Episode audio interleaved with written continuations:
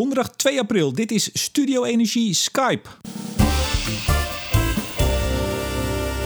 Zoals iedere dag zal hij er vandaag minimaal weer één via Twitter de wereld inslingeren. Een grafiek van de dag. Oftewel hashtag grafiek van de dag. En hij is natuurlijk Martin Visser. Lector energietransitie aan de Hans Hogeschool. Manager strategie bij GasUnie. Maar uiteraard vooral de koning van de energiegrafiek. Goedemorgen Martin. Ja, goedemorgen Remco. Dank voor het compliment. nou ja, je, bent het hè, onbetwist de koning van de grafiek, de, de energiegrafiek. Waarom ben je daar ooit mee begonnen? Ja, dat was op verzoek van uh, de communicatieafdeling van de Hans Hogeschool. Die zeiden, je hebt altijd van die mooie grafieken van, voor studenten. Waarom zet je dat niet op het grote web? En ik kende Twitter wel, maar ik had er nooit mee gebruik van gemaakt. En daar ben ik mee begonnen. En eigenlijk vanaf het begin liep het als een trein. Ja, dat stimuleert natuurlijk om daarmee door te gaan. En uh, ja, nu zijn we inmiddels drie jaar verder. Ja, ik wou net zeggen, wanneer ben je ermee begonnen? Drie jaar geleden dus al. En uh, als een trein, want jij had in het begin niet zo heel veel volgers, dat weet ik nog wel. Maar ik, ik keek net nog even 7000 op de kop af. Ja, vannacht ergens. Een mooi, mooi getalletje zo. Ja, en met, en met maar 6600 tweets. Dus je krijgt er per tweet meer dan, gemiddeld uh, meer dan één volger bij. Je bent erg populair. Ja, blijkbaar. Blijkbaar is het een niche tegenwoordig om feiten te presenteren. Dus ik beperk me zoveel mogelijk tot gewoon de feitelijkheden. En uh, ik weet dat wel probeer dat in ieder geval steeds op een, ja, een inzichtelijke manier te presenteren. Zodat uh, ja, een zo groot mogelijk publiek ook uh, leert beseffen van hoe de energiemarkt en hoe het energiesysteem in elkaar zit. Ik wil het zo graag met je hebben over een van de grafieken van de dag die je gisteren twitterde over het Urgenda-fonds. Maar eerst voordat, voordat we doen, wat was een bijzondere, maar voordat we dat doen, toch nog even. Heb jij enig idee hoeveel je er al gemaakt hebt? Ik schat ongeveer 2000. Ik heb een tijdje geleden een beetje teruggebladerd. Ik zag dat ik ongeveer drie grafiekjes per dag maakte. Dus dan kom je ongeveer op 2000 uit. Ja, want to, toen ik jou ooit dat begon. Hoe zeg je? Nee, dat is geen Nederlands. Ik wil zeggen, begon te zien doen. Maar in ieder geval, toen ik zag dat je dat ging doen, dacht ik, nou, die doet er één per dag. Maar het is niet zo. Gisteren had je er vier. Ja, ja, ach, je werkt thuis en dan op een gegeven moment denk je van, ik doe het wat.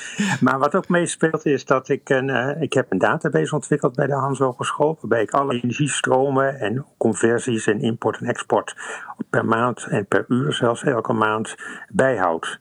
En dat betekent aan het begin van de maand heb ik dus weer net weer een maand afgesloten. En dan heb ik dus een ongelooflijk hoeveelheid informatie eigenlijk. En ja, een deel van die informatie eh, verspreid ik dan via Twitter. Ja, want dat is ook de database die aan de SER gekoppeld is, zou ik maar zeggen, aan het energieakkoord. Ja, eigenlijk andersom.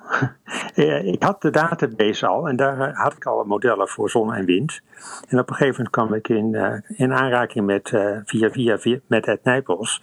En die, die had zoiets van, ik wil een appje hebben waarbij mensen direct real-time kunnen zien hoeveel zon en wind er eigenlijk wordt geproduceerd in Nederland. En dat was er niet. En ik had dat, alleen ik had het niet real time. Ik moest dat met de hand doen steeds. En toen heb ik van uh, Tenet, Gassenie en Netbeheer Nederland een, budgetje gekregen om een professioneel ICT-bedrijf in te kunnen huren. Om uh, dat real-time te maken. En nu wordt het allemaal geautomatiseerd ingelezen. En daarom is die, uh, die energieopwekker tegenwoordig.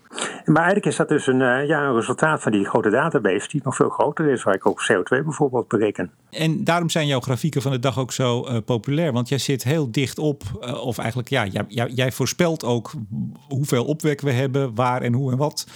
daarom volgt iedereen jou ook. Ja, en nou, weet je, het is gewoon, de, mensen vinden dat leuk. Uh, het wordt op prijs gesteld. Ik krijg regelmatig complimentjes. En dat stimuleert om ook weer mee door te gaan. Want ja, ik werk een kwart van mijn tijd aan de Hans Hogeschool. En dat is natuurlijk lang niet voldoende. Te midden van alle andere taken. Om dit allemaal in uh, werktijd te doen. Dus de, ik zit nog een keer s'avonds op de, op de computer om mijn grafiekjes te maken voor de volgende dag. Heb je wel eens een dag overgeslagen? Niet dat ik weet. Ik ben zelfs in de vakantie doorgegaan. Voor mijzelf sluit ik, sla ik daar wel een dag over, maar dan maak ik een aantal grafiekjes op voorraad. Maar ik heb ook wel eens een keer op een camping gezeten dat ik dacht van, goh ja, hier moet ik iets mee. En nou ja, dan zit mijn vrouw rustig te lezen en dan maak ik mijn grafiekje. Ik wou net zeggen, of, of, de huisgenoten er ook zo uh, positief tegenaan kijken, maar het klinkt, het klinkt dat er geen ruzie van komt. Nee, tot nu toe niet. Nee. Dat gaat tot, tot nu toe niet. Klein voorbehoud. Um, Heb, zit je wel eens om een grafiek toch verlegen? Dat je denkt, wat zal ik nou eens doen? Of is, is die, wat, dat vraag ik me af. Iedereen die wel eens dagelijks iets doet, die weet dat. Je komt wel eens in een periode dat je denkt, ja, is dit nou wel boeiend? Is dit wel wat? Heb jij dat wel eens gehad? Ja, ja, ja, dat heb ik ook wel eens een keer gehad.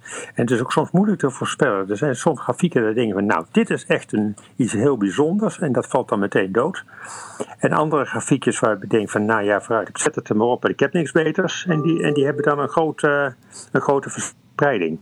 Ja, heb je nog iets leuks aanstaan op de achtergrond? Want ik hoor allemaal mooie geluidjes af en toe. Ik, ik, zet het even uit. Ja, het is geen probleem. Het is, het is wel aangenaam. Het is een mooi geluidje. ja, ik... als er een mailtje binnenkomt van de Hans Hogeschool. Kijk, ja die, zijn, ja, die horen dit natuurlijk. Oh nee, we nemen het op. Nou, maakt niet uit. hey, even, uh, Martien. Gisteren had je een tweet en die kreeg ook een, meteen een nieuwe naam. Dan had je het over de positieve energie tweet van de dag. Was dat de eerste of heb je die al vaker gedaan? Nee, daar ben ik eigenlijk mee begonnen toen die coronavirus losbarstte. Ik had daarvoor al een tijdje dat ik op vrijdagmiddag iets deed, iets positiefs op energie. En ik was een beetje al dat negatieve nieuws. En het is natuurlijk een hele barre en vervelende tijd. En ik dacht van, nou weet je, ik probeer eens een keer een positieve tweet elke, ergens middags te versturen van iets wat goed gaat. En dan natuurlijk op mijn vakgebied, dus dat is het energiegebied. En daar kan ik voorlopig nog wel een tijdje mee vooruit, want ja, daar gaat heel vaak heel veel dingen niet goed. Maar er zijn natuurlijk best wel veel dingen die wel goed gaan in Nederland. Ja, en een van die dingen die misschien wel goed gaat, ik zeg het nog even met een, een licht voorbehoud, is dat het Urgenda-vonnis, de, de 25% reductie die Nederland eind dit jaar zou moeten hebben gehaald van de rechter. CO2 uiteraard, uitstoot van broeikasgas. Ehm, nou, dat door alle coronamaatregelen en dus ook de beperkingen, we, uh, het lijkt dat we een eind in de buurt gaan komen. Maar vertel jij het even in je eigen woorden. Ja, nou ja, tot nu toe gaat het heel goed. En dat heeft niet alleen met de coronamaatregelen te maken, want dat is eigenlijk tot nu toe maar een klein beetje. Uh, maar dat heeft met name met een aantal andere zaken te maken. De warme is bijvoorbeeld een hele belangrijke oorzaak. Waardoor we ja, minder gas gebruiken en ook de Noren minder stroom gebruiken. En dus massaal elektriciteit exporteren naar Nederland. En dat betekent dat we zelf minder hoeven te maken en minder CO2-uitstoot hebben.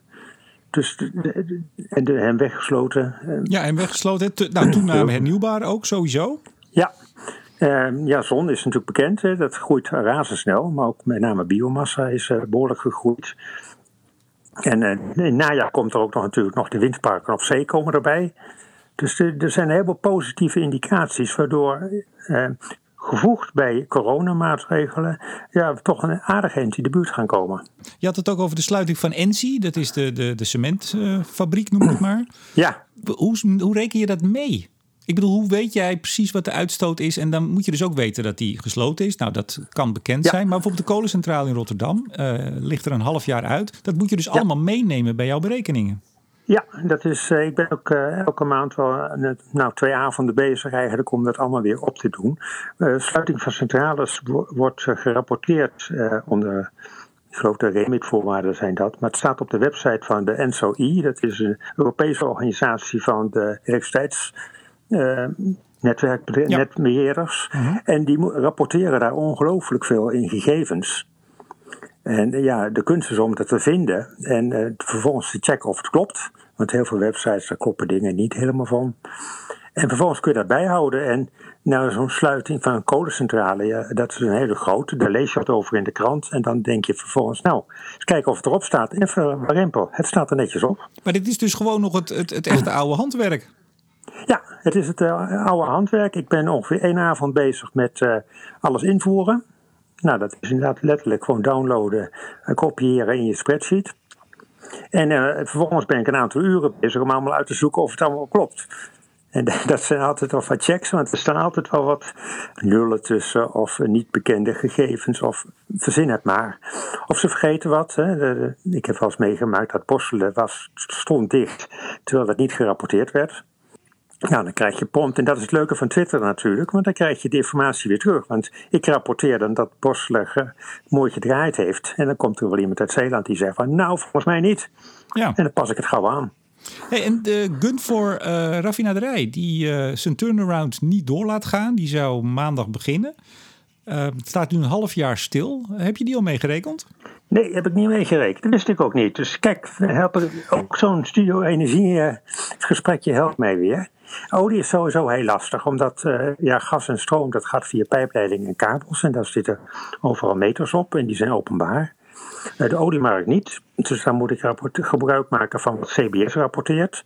Nou, dat is altijd uh, vier tot zes maanden vertraging, soms twee maanden. En wat ik dan vervolgens doe, is dat ik optel, uh, kijken wat ze gerapporteerd hebben en vervolgens extrapoleer een paar maanden vooruit, zodat ik real-time zit. En als ik hele belangrijke dingen tegenkom, uh, de sluiting van die afvalcentrale in Amsterdam bijvoorbeeld, dan pas ik dat handmatig aan. Ja, die Gunvor, die, die zijn niet zo heel spraakzaam, weet ik. in de regionale pers was dat ze nu dus ja, dicht gaan. Het hebben uitgesteld een half jaar. Maar ga je ze dan ook bellen van... Nou, wat, wat, wat kunnen jullie me zeggen? Uh, nee, dat doe ik niet. Nee, dat, wordt, dat is gewoon een kwestie van tijd. Uh, op een gegeven moment moet het stoppen. Het, het moet ook een beetje, nou, ik zeggen, een geintje blijven. Ik doe het goed mogelijk mijn best. En op het moment dat ik informatie krijg, dan verwerk ik die als die belangrijk is. Maar ik ga niet zelf, uh, zeg maar, als een journalist achter alle gegevens aan. Nou, laten we wij spreken dan nu gewoon af dat uh, Gunvor een, een, half jaar uh, eruit gaat. En volgens mij komt het ongeveer op 0,2 megaton. Dus die geef ik je vast. Dankjewel. Ik ga hem meenemen. maar checken, hè? Checken. Ja, dat doe je. Ja, ik check, ik check. Alles wat ik hoor, probeer ik een tweede bron onafhankelijk van te krijgen. Want uh, ik, in het begin ben ik er toch een paar keer ingestonken dat ik dingen overnam die achteraf niet waar bleken. Dus ik ben er wel heel voorzichtig mee. Dus er staat niet voor niks in jouw Twitterprofiel meten is weten, hè? Klopt. Kijk, weet je al wat je vandaag eh, de wereld in gaat slingeren? Uh, ja, ik heb een één grafiekje, dat is een, uh, ik noem het maar altijd de moeder aller grafieken. En dat is het percentage hernieuwbare energie, energie dus totaal, per dag. En dat zie je heel langzaam stijgen. En afgelopen zondag, maar dat is niet verwarrend, was er bijna een record. Alleen uh, geloof we ergens midden in de zomervakantie zaten we nog iets hoger. Zaten we bijna 15% hernieuwbaar. Gisteren zaten, of afgelopen zondag zaten we 14,5% hernieuwbaar. En dat ga ik zo meteen op, de, op het web zetten. Nou, we, gaan er allemaal naar kijken. Komen er nog meer vandaag? weet je dat nu al? Of is het ook gewoon een beetje hoe je petje staat? Van dat je smiddags denkt, nou, ik, eh, ik gooi er gewoon nog eentje op. Nee, ik heb het geen voorraadje. Dus ik, uh, ik gooi er vanmiddag nog eentje op, maar ik weet nog niet welke. Maar misschien heb je een voorstel. Nee, nee ik zou niet durven. Ik ga gewoon in spanning ga ik, uh, voortdurend jouw Twitter-account volgen. Zoals iedere dag en zoals alle luisteraars dat volgens mij ook doen. Martin Visser, de man van de grafiek van de dag. En ook nog lector en manager. Maar dat is eigenlijk bijzaak hè, bij GasUnie. Het gaat om de grafiek van de dag. Ik geloof het wel tegenwoordig, ja. Dankjewel. Dankjewel, Dankjewel voor het gesprek. Mijn naam is Remco de Boer. Graag tot morgen bij Studio Energie Skype.